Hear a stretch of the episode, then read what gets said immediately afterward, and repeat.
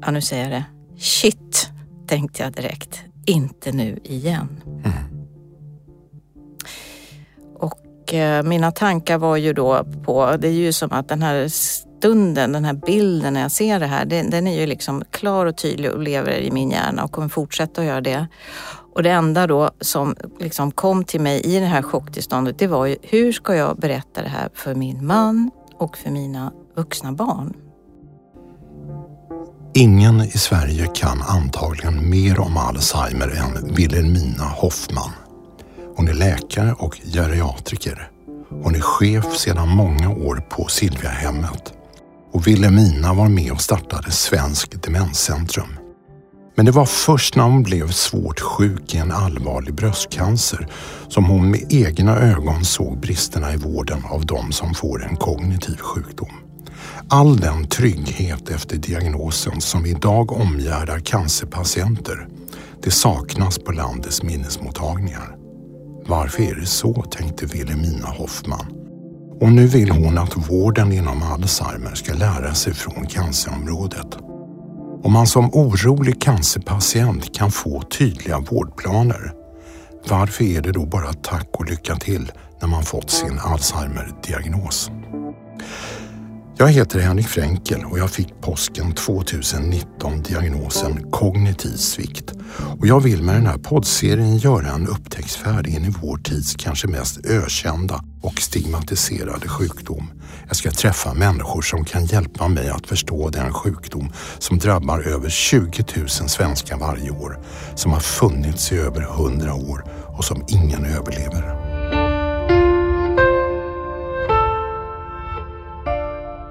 Ja, och här i studion så har jag Wilhelmina Hoffman. Välkommen! Mm, tack Henrik!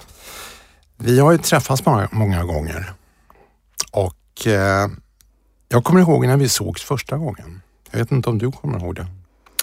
Jag tror att det var på Silviahemmet när vi hade en dag för specialistutbildade. Exakt. Det första du sa när du såg mig, det var dig har jag velat träffa länge. Varför sa du så?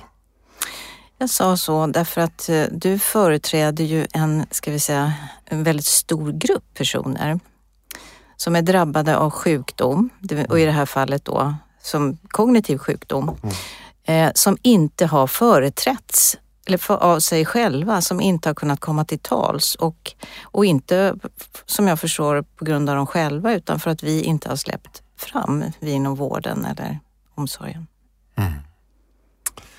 Du var där sjukskriven efter en svår cancerbehandling. Vill du berätta om den eftersom det har bäring på det som vi ska prata om senare? Mm. Ja, jag vet inte var jag ska börja. Det är ju många som drabbas av cancer idag och vi vet ju att det är också många som överlever mm. med sin cancer. Mm. Man blir av med den eller så kan man leva många år fast man har kvar rester av den. Och 2019 så fick jag beskedet att jag hade en bröstcancer och blev omedelbart från det att jag fick diagnosen eh, omhändertagen. Jag fick en tid dagen därpå på en mottagning, träffade en specialistläkare. Jag fick direkt eh, introduktion till den sjuksköterska som skulle följa mig hela vägen. Jag fick väldigt mycket material, information, så att jag kände mig så omhändertagen från allra första början. Mm. Vi ska återkomma till det, men det här var ett återfall. Kom det plötsligt? Ja, det var inte ett återfall för jag har haft oturen att ha en annan bröstcancer. Det var en annan typ för mm. då tio år sedan mm. som jag kunde operera. Behövde inga cellgifter då. Mm. Så det här var en ny typ av bröstcancer och eh, jag noterade en knöl och fick tid inom fyra timmar faktiskt på punktionsmottagning och sen fick jag diagnosen en vecka senare. Mm. Kom det plötsligt? Var du förberedd? Eh, jag var väl inte förberedd. Jag har ju van att då känna på brösten i och med att jag haft bröstcancer tidigare så mm. plötsligt så kände jag att det här var någonting nytt. Mm. Så att det var väl någonting som hade vuxit ganska snabbt i alla fall. Fast jag hade varit på semester innan och då hade jag inte känt på mina bröst kan jag ju säga. Nej. Hur var det att ta emot beskedet? Det var en chock naturligtvis. Mm. Och i, i och med att jag är utbildad och såg då den här punktionen så såg jag tumören på ultraljudet och jag såg också metastasen på ultraljudet. Så att, Under sittande utredning? Ja, under undersökningen så såg jag ju vad det var för någonting. Mm. Men jag kunde inte förstå och veta då vilken typ av bröstcancer det handlade om. Men det var en, en chock och det, det, det blir en chock, jag är övertygad för de flesta, även om man kanske tror eller misstänker att det här är någonting mer allvarligt. Vad tänkte du? Ja, nu säger jag det. Shit, tänkte jag direkt. Inte nu igen. Mm. Och eh, mina tankar var ju då på, det är ju som att den här stunden, den här bilden när jag ser det här, den, den är ju liksom klar och tydlig och lever i min hjärna och kommer fortsätta att göra det. Och det enda då som liksom kom till mig i det här chocktillståndet, det var ju hur ska jag berätta det här för min man och för mina vuxna barn? Mm. Men hur gör man då? Vad gjorde du? Ja, eh, jag tänkte så här att jag tar en lång promenad hem ifrån eh, diagnostiken. Mm. Eh, funderar under vägen och börjar med att tala med min man. Och han såg direkt på mitt ansikte att det här var något allvarligt. Jag hade inte berättat att jag hade varit på en funktion en, eh, en vecka innan där. Ehm, så att, eh, ja, vi hade ett långt samtal och sen valde jag att eh, avvakta lite innan jag berättade för min dotter. Och varför, varför det? Det här är för svårt att lägga det här på sina barn. Mm. Och jag, det är i alla fall som jag kände att lägga det här svåra beskedet på någon annan när de kommer att bli jätteledsna. Och det, vad vill man som förälder? Man vill ju inte att barnen ska bli mm. ledsna och lida. Så att eh, jag valde att informera henne en fredag. Så vi tog en lunch och sen tillbringade vi hela helgen tillsammans. Mm. Kramades i min soffa, hon sov bredvid mig i sängen. Och det var svårast med min son då som var i, bodde i USA. Mm. Hur jag skulle informera honom. Så då var jag tvungen att linda in lite och ha lite mer information om behandlingar så att han kunde få sakkunskap. Då mm. hörde jag av mig till honom. Mm. Men han åkte ju hem. Mm. Men du är ju läkare. Är man inte bättre rustad att ta emot den här typen av besked? Det tror jag inte. Nummer ett. inte det? Nej. Nummer ett så är vi alla människor. Mm. Och samtidigt så vet vi också, eh, en svår sjukdom vet vi vad den kan leda till och det vet är ju alla människor medvetna om. Särskilt som en, en cancerdiagnos till exempel, vad kan den leda till? Mm. Å andra sidan så har vi ju en fantastisk utveckling inom just cancervård mm. med behandlingar som gör att man kan botas och behandlingar som gör att man kan leva med sjukdom i många år. Mm. Så att eh, det här vet, känner jag ju till som läkare mm. naturligtvis. Mm. Så du kände att oddsen är rätt bra ändå? Ja, och samtidigt så allt det här det ställs ju på någon, en existentiell spets det här. Hur, ska just jag, hur reagerar just jag? Är det här spritt i hela kroppen nu? Mm. Och vilka behandlingar finns? Mm. Men vården slöt, slöt sig kring mig så att jag fick alla de här beskeden och eh, ta ställning till då, mm. ja, hur jag ville ha det. Oddsen är ju rätt bra för cancerpatienter. Sju av tio överlever. Eh, som jag nämnde i inledningen, ingen överlever Alzheimer. Vad, vad tänker du om de olika oddsen? Ja, vad tänker jag om det? Mm. Du, här, jobbar, du jobbar ju med det. Ja, det här har varit mitt arbete i faktiskt hela mitt yrkesliv. Mm. Och jag tänker så här att det här med chocken som jag drabbades av, ändå av en diagnos som ganska många överlever idag. Mm. Det är en sak. Men när vi vet att en demenssjukdom idag inte är botbar, det, mm. det vet alla. Mm. Då borde vi ha en helt annan ska vi säga, förberedelse och inte minst en plan när vi ger det här beskedet till en patient. Mm. Det är liksom det är väl de tankarna mm. som, som jag har. Men du kan också leva dig in i chocken för den som får en diagnos? Ja, det kan jag verkligen. Mm. Och samtidigt så, så är det ju så här Henrik att en del har ju känt på sig att någonting har varit väldigt fel mm. länge. Och jag har träffat patienter som har, har liksom fått en förklaring mm. och som har känt sig lugnare efter beskedet. Mm. Flera är chockade, men det finns också andra liksom sätt att, att reagera på det här. Mm. Så att jag har haft personer som har sagt att oj, jag trodde jag höll på att bli tokig. Vad är det här? Mm. Och nu har jag en förklaring. Det är en sjukdom som påverkar mina nervceller. Mm. Då förstår jag det här bättre. Mm. Så det finns flera sidor av det här. Du fick ju se svensk cancervård från insidan. Berätta mer om den så vi förstår hur, hur den ser ut. Ja, nu är det säkerligen många som har varit på den sidan mm. idag. Ehm, men min tydligaste bild det är ju att alla slöt sig upp omkring mig. Jag fick från vården alltså? Från vården, absolut. Från det att jag fick min diagnos så fick jag min egen sjuksköterska med direkttelefonnummer. Nummer som jag kunde ringa dygnet runt. Jag fick läkare med telefonnummer och nummer som jag kunde ringa dygnet runt. Inte till just den läkaren men till dem inom, om det skulle dyka upp något medicinskt. Mm. Jag fick också väldigt mycket material om allt och det handlade om bra kost. Det handlade om fysisk aktivitet och jag blev inbjuden att vara med i såna här gymnastikgrupper för man behöver hålla sig i god form när man är drabbad av en cancersjukdom för att klara behandlingar och så vidare, hålla upp det, det psykiska också. Kuratorskontakt. Det var också information om det här med samliv, hur det kan påverkas när man mm. lever i en familj. Och det var information om och en sån här möjlighet att få lösögonfransar och löshår precis vart man skulle vända sig och även liksom stöd ifrån landstinget som det hette då mm. Eh, för att kunna få de här sakerna. Så att jag fick också väldigt mycket då tidsbokningar, både sms, jag fick brev, jag fick telefonsamtal. Jag kunde inte missa någon av tiderna.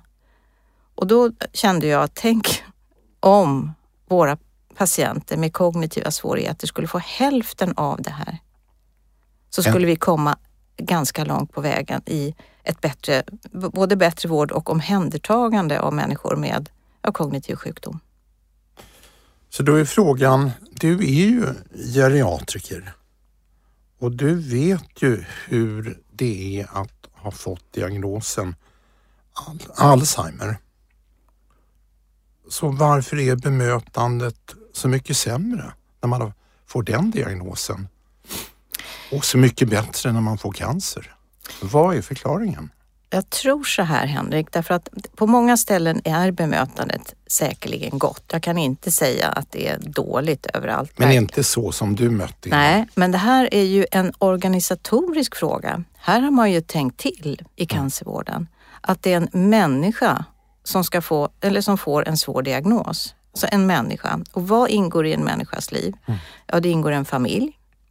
Eh, det ingår också det här med hur, hur ska den här personen själv kunna klara upp det här på olika sätt. Genom att se över det psykiska, det fysiska, alla de här olika delarna, det existentiella. Mm. Ehm, så man ser ju det i cancervården och det här tror jag har vi inte lyft som en modell i demensvård. Att se helheten. Och varför det? Det, det låter ju självklart. Att säga att eh, patienten framför dig är en människa också. Det är ju inte rocket science. Nej, men om vi tänker på hur vården och omsorgen har liksom byggts upp genom åren så mm. har det ju varit så att från början så handlar det om man går tillbaka genom årtionden att det, det var en diagnos som man behandlades för och sen blev det lite närmare det här att det var det är en individ mm. och nu idag kanske man också fattar lite mer att det faktiskt är personen har en familj. Det mm. finns en social situation runt mm. om. Men det, det har utkristalliserat sig tydligast inom det vi kallar den palliativa vården. Mm. Och som du vet så jobbar vi på Silviahemmet med palliativ vårdfilosofi. Mm. Och där ingår alla delar. Så att jag mm. är ju skolad i, mm. i det.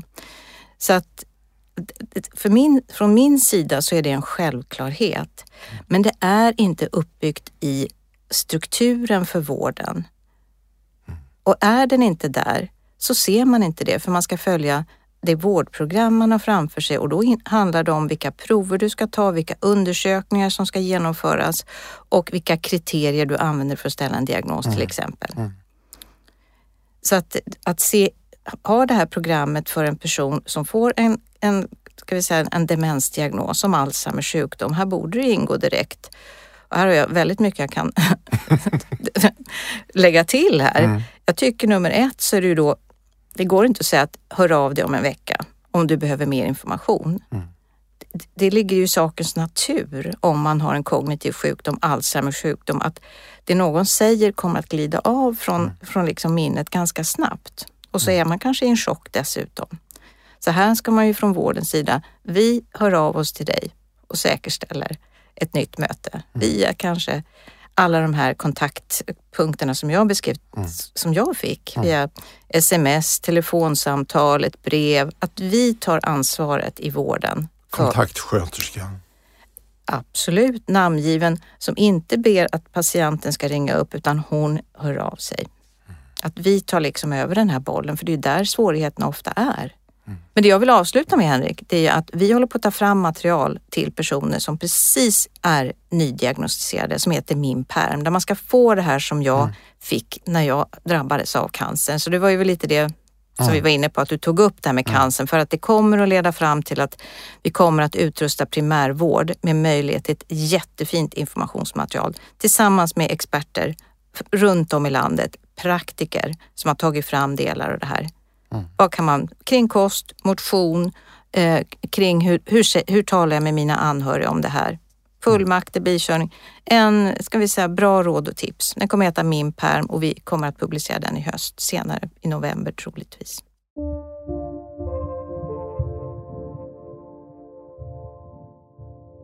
Den som får diagnosen Alzheimer får symptomlindrande medicin. Det vill säga, det är doping för synapserna. Eh, vad tänker du om det?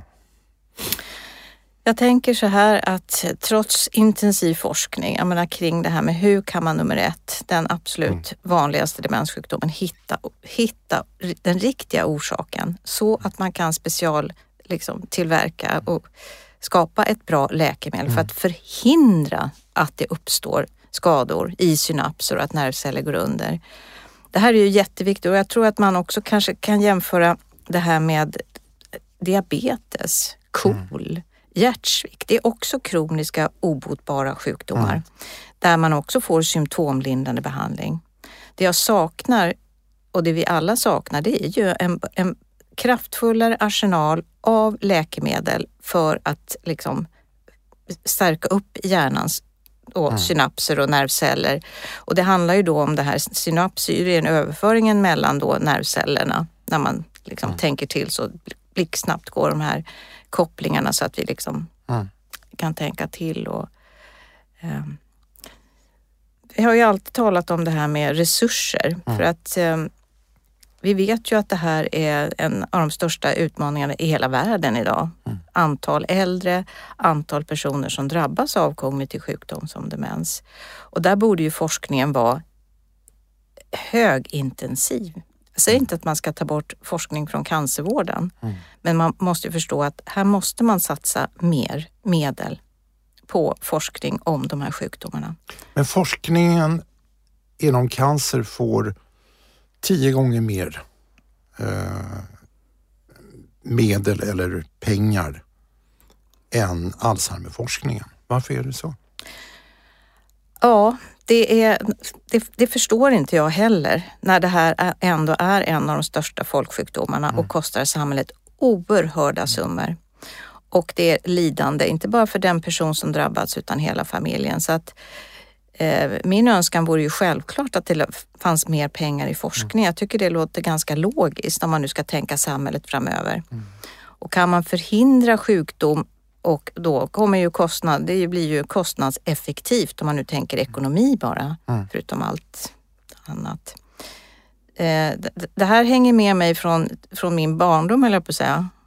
barndom under min läkarutbildning, hela mm. den. Därför att det var ju inte attraktivt att, att liksom tänka sig att välja att titta på det här med äldregeriatrik, det vill säga läran om sjukdomar i åldrandet. Det är ju en mm. specialistutbildning på mm. fem år, precis som du vill bli kardiolog eller mm det har aldrig varit liksom attraktivt och det har ju någonting med det här med hur man ser på åldrandet, bedömer jag det som. Forskningen och vad som händer i kroppen är ju jätteintressant ur medicinsk synvinkel i åldrandeprocessen och framförallt vad som händer i hjärnan. Ehm, så jag har aldrig förstått att det inte har varit något intresse kring det här. Men är det så krasst så att det, det är bättre och intressantare att uh, rädda, rädda yngre människors liv än äldre människors? Det kan inte jag säga. Det är bättre och intressantare. Jag tror att det kanske är uh, om man tittar på om man väljer sin yrkesbana när man vill gå in i ett vårdyrke så vet jag att många vill ju bli då barnläkare eller hjärtläkare. Men jag tänker mer på forskningsmedlen. Att, uh... Ja, men det tror jag är lättare att attrahera eh, andra människor att skänka pengar till just barn och yngre. Det, det är jag övertygad om. Och jag tror att man kanske inte ser att man kommer att bli äldre. Men man måste väl titta runt omkring sig. Det är ens föräldrar det handlar om, det är jag själv om mm. några år och det är liksom mina vänner och allt. Vi pratar forskning. Svensk forskning inom Alzheimer ligger i framkant på många områden. Ett är det här med ändrad livsstil, att det kan stärka patientens hjärnreserv och på det sättet i praktiken fungera som en broms mot sjukdomen. Vad tänker du om det? Jag tycker det är urviktigt. Och att skulle vi inom vården kunna få ut det här, eller i sam, samhällsinformation som man verkligen kan ta till sig. Att allt liksom, eh, hur ska man säga, varje sak jag gör kan jag få igen sen mm. om det. Och även om man har kommit upp i åren att allt det här lönar sig. Så vi hoppas ju på att det här blir någonting som man kommer använda sig av. Att det sprids på ett kraftfullt sätt. Mm. Men Forskningen ligger då i framkant när det gäller livsstil som motion och eh, kost och sömn och hjärngympa och, och liknande. Men varför sätter man inte in det som en del av en vårdplan på svenska sjukhus? Just mot Alzheimer-patienter. Det finns ju ingen annan medicin. Nej, jag, håller med dig Henrik. Jag skulle, jag skulle vilja ha med det nu och för tio år sedan mm. redan i vårdplaner. Det här är jätteviktigt att få in tidigt, men då är det återigen det här. Jag, kom, jag går tillbaka till min barndomsutbildning, mm. eller inte barndomsutbildning, men i alla fall vad fick jag lära mig under läkarutbildningen, grunden? Jag fick mm. oerhört lite om geriatrik, en halv dag om hjärnans sjukdomar i åldrandet. Mm. Det är säkerligen mer idag, men inte tillräckligt. Mm. En och, halv dag? Ja, om hjärnans sjukdomar i åldrandet på fem och ett halvt år. Mm. Däremot fick jag under nästan två veckor lära mig diagnostisera malaria. Jag vill bara säga det här att det, det, är oerhört viktigt att man tittar på vad är det vi har för sjukdomar i befolkningen. Det är ju epidemiologi.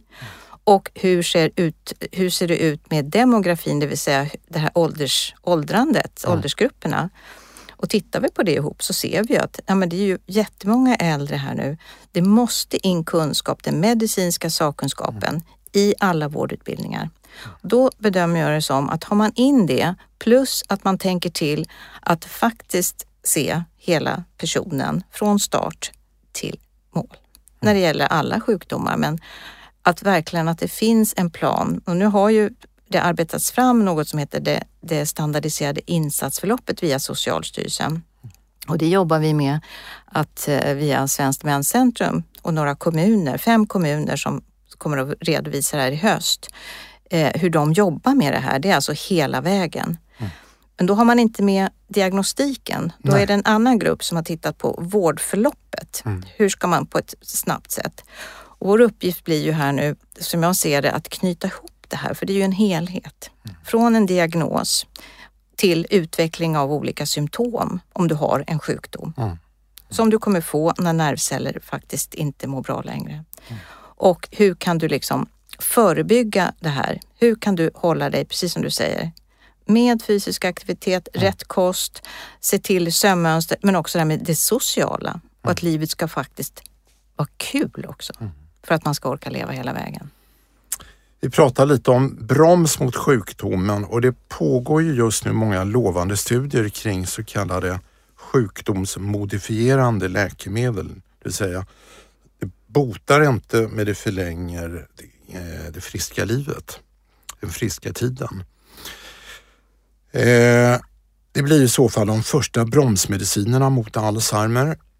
Jag märker att det byggs upp enorma förvänt förväntningar på dessa läkemedel. Är de här läkemedlen är de svaret på gåtan Alzheimer? Tror du?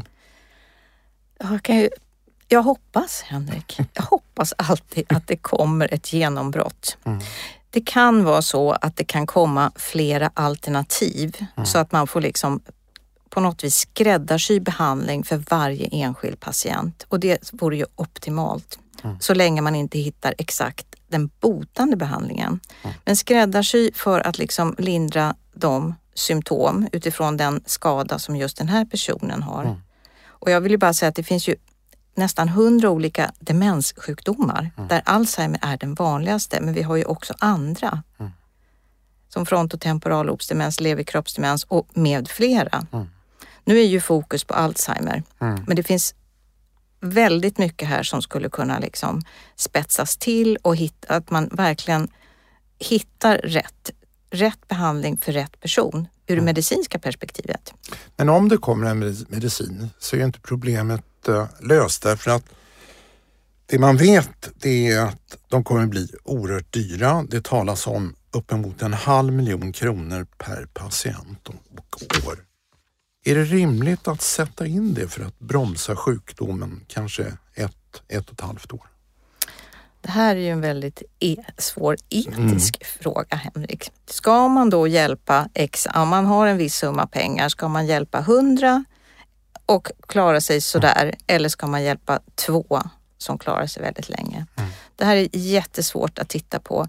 Jag, jag, kan ju tänka mig att om man hittar behandlingar som är framgångsrika så måste det i sin tur kunna leda fram till behandlingar som inte är så kostsamma. Mm.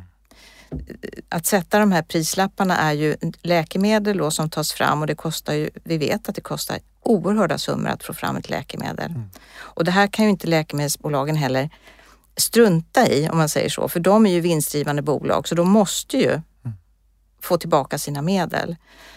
Eh, men här borde man också, nu ska jag inte gå in i läkemedelsbranschen, mm. här borde man också ur ett internationellt perspektiv om det, vore det så oerhört intressant att få fram bra läkemedel, att man skulle kunna gå ihop. Men det kommer ju bli i slutändan så, därför det kommer ju komma någon form av bromsmedicin mediciner inom ett par år, eh, tror väldigt många. Eh, alla kommer inte få det. Det är ju bara vissa som kommer få det. Hur hanterar man det? Ja, den här... Äh, det är som att säga till, till du får le, leva några år till, mm. men inte du. Det här är ju en otroligt svår fråga som, som jag inte riktigt har ta, liksom, gått in i, bara så att du vet. Mm. Att tänka sig hur man ska välja ut någon mm. ur en, en grupp. Då misstänker jag så här att det handlar då om att man kommer sortera efter ålder. Jag tror det. Uh-huh. Att man, man börjar med de som är kanske då yngst som är drabbade. Mm. Jag vet, jag vet inte. Jag, jag, skulle ha väldigt svårt att vara inne i en sån eh, ska vi säga, diskussion faktiskt. Mm. Jag tror inte riktigt att min... Varför det? min moral skulle inte riktigt klara det här faktiskt. Men du kan hamna där? Nu har jag ju då eh, utbildnings... jag jobbar ju med utveckling ja. av och kommer säkert eh, demens, ska vi säga, demensvärlden. Men, eh, men Demenscentrum ska ju ha en åsikt. Självklart kommer jag lämna en åsikt och då kommer jag titta på den ur extremt många perspektiv mm. kan jag ju säga. Mm. Just nu så pratas det mycket i nyheterna om möjligheten att kunna spåra Alzheimer via ett enkelt blodprov. Och det är också forskning som leds från Sverige. Man säger att den här enkla och snabba diagnosmetoden ska kunna sjösättas ute på primärvården redan inom ett år. Vad tänker du om det? Diagnos på tio minuter. Eh, jag blir återigen, så nu tar jag ett kliv tillbaka här mm. i mig själv därför att det här är en fantastisk möjlighet att kunna ställa en diagnos. Det är nummer ett. Oh, mm. Nummer två, om vi inte har en botande behandling eller tillräckligt med symptomlindrande läkemedel som gör att man vet att man kan leva i många år till, mm. så ser jag det här som etiskt oerhört svårt. Faktiskt. Varför det? Därför att, att leva, få en, ett besked om en diagnos och du inte har några verktyg riktigt att ta till för att liksom kunna stoppa det här. Eh, vissa personer skulle säkerligen kunna tänka sig då att ta till alla resurser för att säkerställa sin fysik, blodtryck, blodfetter och kosten och allting och verkligen ha nytta av det här. Men det finns ett stort antal personer som också skulle kunna gå ner sig ordentligt, rent psykiskt. Och familjer runt omkring. Hur ska man hantera det här? Jag har en åsikt och det är min personliga åsikt och det är ju att den dagen vi har läkemedel som är tillräckligt bra, då ser jag det som etiskt försvarbart att man, mm. kan, man kan i väldigt god tid äh, se Kommer just jag att drabbas av den här sjukdomen? Vad bra, då kan jag faktiskt börja med läkemedelsbehandling och förebygga insjuknaden. Så att eh, på något vis så måste de här gå hand i hand för det här kommer att bli jag, jag, jag känner bara en enorm oro över hur kanske laboratorier runt om, du kan skicka, sticka i fingret, skicka ett blodprov mm. på, på posten och så får du, något, får du svar. Du kan ju göra det redan idag med olika typer av tillstånd. Och gör man det här så måste man ju kunna hantera och bemöta mm. det här. Du måste kunna ha en, inte bara en plan, du måste ha en jätteorganisation och struktur för att säkerställa att det här blir någonting bra i slutändan. Är vi rustade för det? det, det säg att eh, vi kanske får tiotusentals fler patienter därför att Alzheimers sjukdom och andra kognitiva sjukdomar börjar ju i din kropp eller i din hjärna redan 15-20 år innan du märker symptomen. Så att det kommer ju vara väldigt många symptomfria människor som får en Alzheimer-diagnos. Vi är inte rustade för det, Henrik. Mm. Verkligen inte. Mm. Eh, jag, eh, jag, jag, tror på en, en, positiv utveckling i forskningen och det här är som sagt fantastiskt med ett blodprov som, som mm. kan vara, hjälpa då det här i, i samband med en utredning av sjukdom. Eh, men jag tror att många då kommer att eh, om man får ta det här provet bara och du kommer att insjukna om säg fem, tio år vad gör det med personen? Att kunna planera och förbereda sig för, för liksom åren som kommer, det är ju fantastiskt när man kan mm. göra det på olika sätt. Men att veta att man har en sjukdom som kanske inte ens hinner bryta ut. Därför att jag kanske avlider av en stroke till exempel, eller en hjärtinfarkt. Å andra sidan säger forskarna bakom den här upptäckten att ja, alternativet är att du kanske får en felaktig diagnos. Den här är ju säkrare. I, idag är ju tre av tio diagnoser felaktiga. Och det vet ju jag eftersom jag fick ju en felaktig diagnos. Mm. Jag ser eh, det, det, här blodprovet som ett komplement i en annars då komplett och bra utredning. Mm. Och det är ju självklart. Där var vi ju väldigt tacksamma för när det kommer den här likvårddiagnostiken, mm. det vill säga när man kunde ta ett stick i ryggen och ta en sån om och man kunde titta på, på de här olika markörerna. Då kunde vi tydligare säga, är det här Alzheimer eller är det inte det, någonting annat? Så att, eh, att ha mer, fler diagnostiska instrument i arsenalen är ju aldrig fel. Men sen ska man också titta på det här. Nu har jag inte siffror på hur sensitivitet och specificitet är, det vill säga hur säkra är de här? Är det verkligen? Så att det inte bara blir ett blodprov som alla tar. Det här måste ju vara en ordentlig utredning där vi gör de här ska vi säga, delarna som ska ingå. I men, nu, men nu har man sagt att blodprov plus tre stycken enkla tester eh, som ska gå väldigt snabbt och det ska kunna göras på primärvården. Har läkarna i primärvården, har, har de kompetensen att genomföra det här och hantera ett, ett svårt samtal med en patient? Nej. Jag blir nästan chockad när jag hör det här. När, det så här, när det inte fungerar som det gör idag, nej, det finns inte överallt. Det finns självklart undantag där det finns fantastiska läkare och en organisation, men det är ju inte, ska vi säga, Det är väl inte det vi är vana vid. Mm. Ja. Eh, nu har vi pratat om diagnos eh, väldigt mycket. Men eh, du är chef för Silviahemmet ute på Drottningholm. Vad på Silviahemmet är du mest stolt över? Alla medarbetare. Det måste du säga som chef. Nej men jag är det. Mm. Och anledningen till det är att jag är verkligen det. För det är ju liksom hela gruppen som gör verksamheten. Mm. Och jag har varit med om tillfällen när jag har stått till exempel och föreläst och så har jag ätit lite för lite på morgonen och fått blodsockerfall. Mm. Då har en medarbetare, en har tagit hand om mig, lagt mig ner, upp med benen, en annan har kommit med juice och den tredje har gått in och fortsatt föreläsa. Men vad är det unika med Silviahemmet? Det unika från början det är ju att det finns en vårdfilosofi som mm. faktiskt praktiseras. Och när jag kom till Silviahemmet så kände jag att jag hade kommit hem. Mm. Därför att jag hade ju tidigare startat då två minnesmottagningar. Mm. Och eh, vi, inom min profession så fick vi aldrig riktigt lära oss om det här med vårdfilosofier. Det får ju sjuksköterskor lära mm. sig om. Men inte i, som läkare. Men vi hade ju jobbat då väldigt, ska vi säga, palliativt. Vi hade då jobbat personcentrerat och med att skapa då god symptomkontroll för våra patienter. Med anhörigstödet, vi jobbade tillsammans i team och var liksom, jobbade jättemycket med kommunikation. Mm. Mm. Hade öppen linje. Det här var så på Silviahemmet från början. Alla jobbar så. Så det tycker jag, det är vårdfilosofin som är det unika som praktiseras. Och sen utbildar ni Silvia-läkare, sköterskor, terapeuter. Var, varför det? Ja, Silviahemmet, jag måste ju faktiskt berätta kort historien. 1996 startade Silviahemmet och det är ju vår drottning som startade Silviahemmet och hon är ju också fortfarande väldigt aktiv ordförande och jag vet att du, hon har varit gäst i din mm. podd också.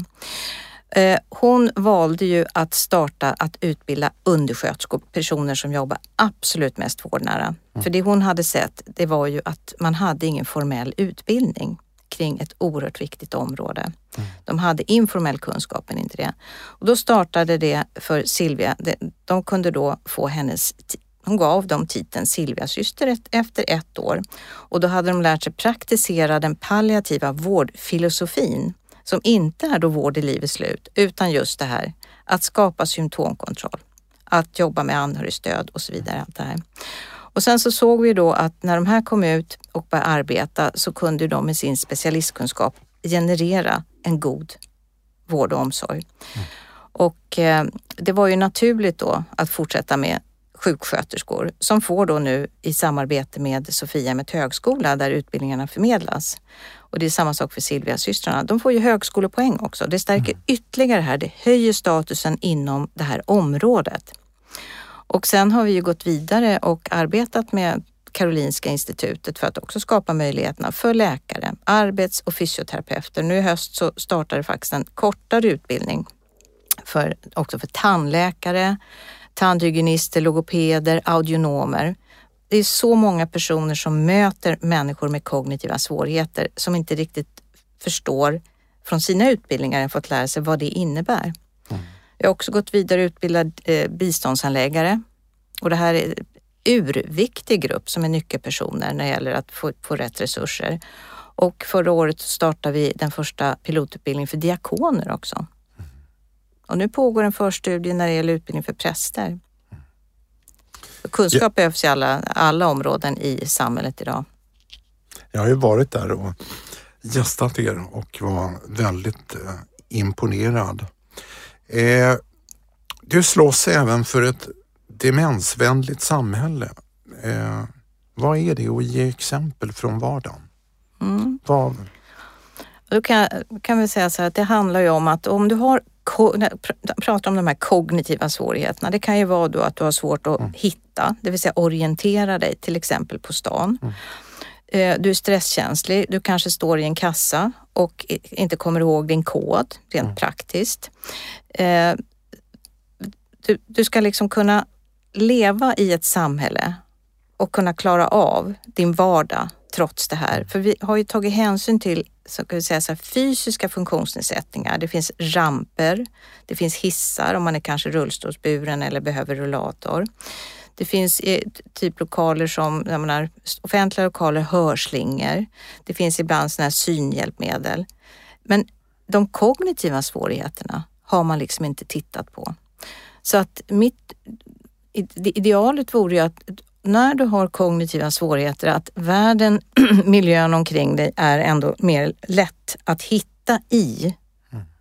Mm. Och att du möts till exempel i en kassa, att det inte är för komplicerat. Vi har gjort sådana projekt med tillsammans med Demensförbundet och Myndigheten för delaktighet. Hur kan man förbättra i affärer, när du ska dagligvaruhandeln, du ska gå och handla det är massa ljud, man byter skyltning, man ska flytta varor och så vidare. Hur kan man underlätta för personer med kognitiva svårigheter att klara sig självständigt och handla? Men tycker du att vi har kommit, kommit någon vart? Nej, det tycker inte jag. Jag tycker vi har oerhört mycket kvar. Jag tänker på kommunikation, alltså det här med bara det att, ta bussen eller åka tåg någonstans. Du ska ta ut pengar. Och nu har det ju varit det här kring i covid eran här nu, att svårt att man ska ha ett, ett, ett eh, bank-id. Hur många har bank-id? Mm. Vi har digitaliserats, men, men, hur har man då, hur kan vi möta personer med kognitiva svårigheter i det här? Mm. Och skulle man tänka från början, och miljö, boendemiljö, allt, börjar man tänka på inte bara de fysiska funktionshindren utan också de kognitiva i allt när det gäller arkitektur, när man bygger sin infrastruktur i, liksom, i staden eller i samhället, då tror jag att man kan komma... Det är dit vi ska, tycker jag. Mm. Så är det.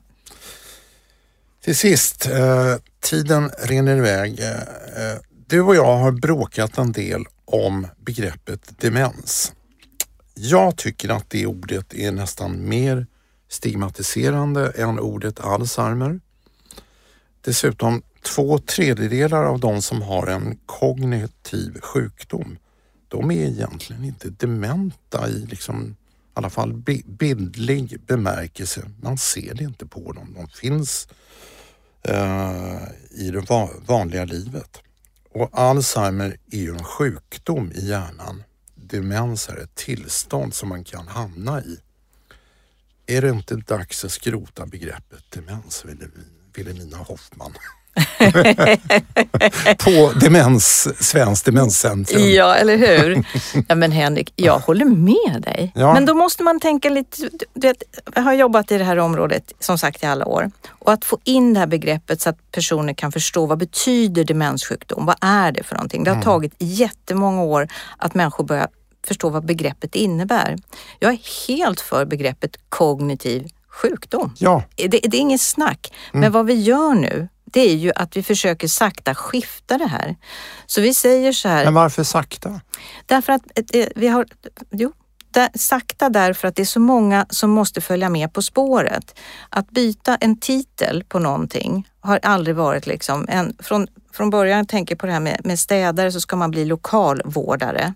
Det är viktigt att tänka att många där ute är inte unga hänger med i, i liksom, i, ska vi säga, i, i allt, utan man kanske har en begränsad liksom, vokabulär och allting. Så ordet kognition, som för dig är busenkelt att förstå vad det betyder. Mm. Och för mig med, med att jag jobbat med kognition i hela mitt liv. Men jag kan aldrig säga det när jag sitter och pratar med en, en person. Du har fått en kognitiv sjukdom. Vad betyder det? Men någon måste Är det börja. en demens? Ja. ja. Processen är igång Henrik. Vi går över till kognitiv sjukdom. Jag är helt med på det Henrik. Bra. Successivt. Ja. Jättebra. Eh, jag hade kunnat sitta en timme till och bråka med dig eller prata med dig. Men eh, vi måste avsluta. Jag har en sista fråga. Jag läste att eh, du och din man spelar eh, bordtennis. Varje dag. Varje dag? Mm. Jag är jättesnabb. Och vem vinner? Vi har, eh, tyvärr förlorade jag eh, majkuppen här nu då, mm -hmm. men det var med två set bara. Eh, men annars så föregående kupp vann jag. Så vi är jämspelta. Jag är blixtsnabb. Jag har övat upp min reaktionsförmåga. Bra, ja. spännande. Ja. eh, Wilhelmina Hoffman, tack för att du ville komma hit Alltid lika spännande att träffa dig och tack till alla ni som har lyssnat. Vill ni ha ett mejl när nästa podd kommer så anmäl er på poddspelare som Podcaster, Spotify och annat. Eller varför inte gå in på vår hemsida alzheimerlife.se och anmäl er för de löpande nyhetsbreven. Tack ska ni ha.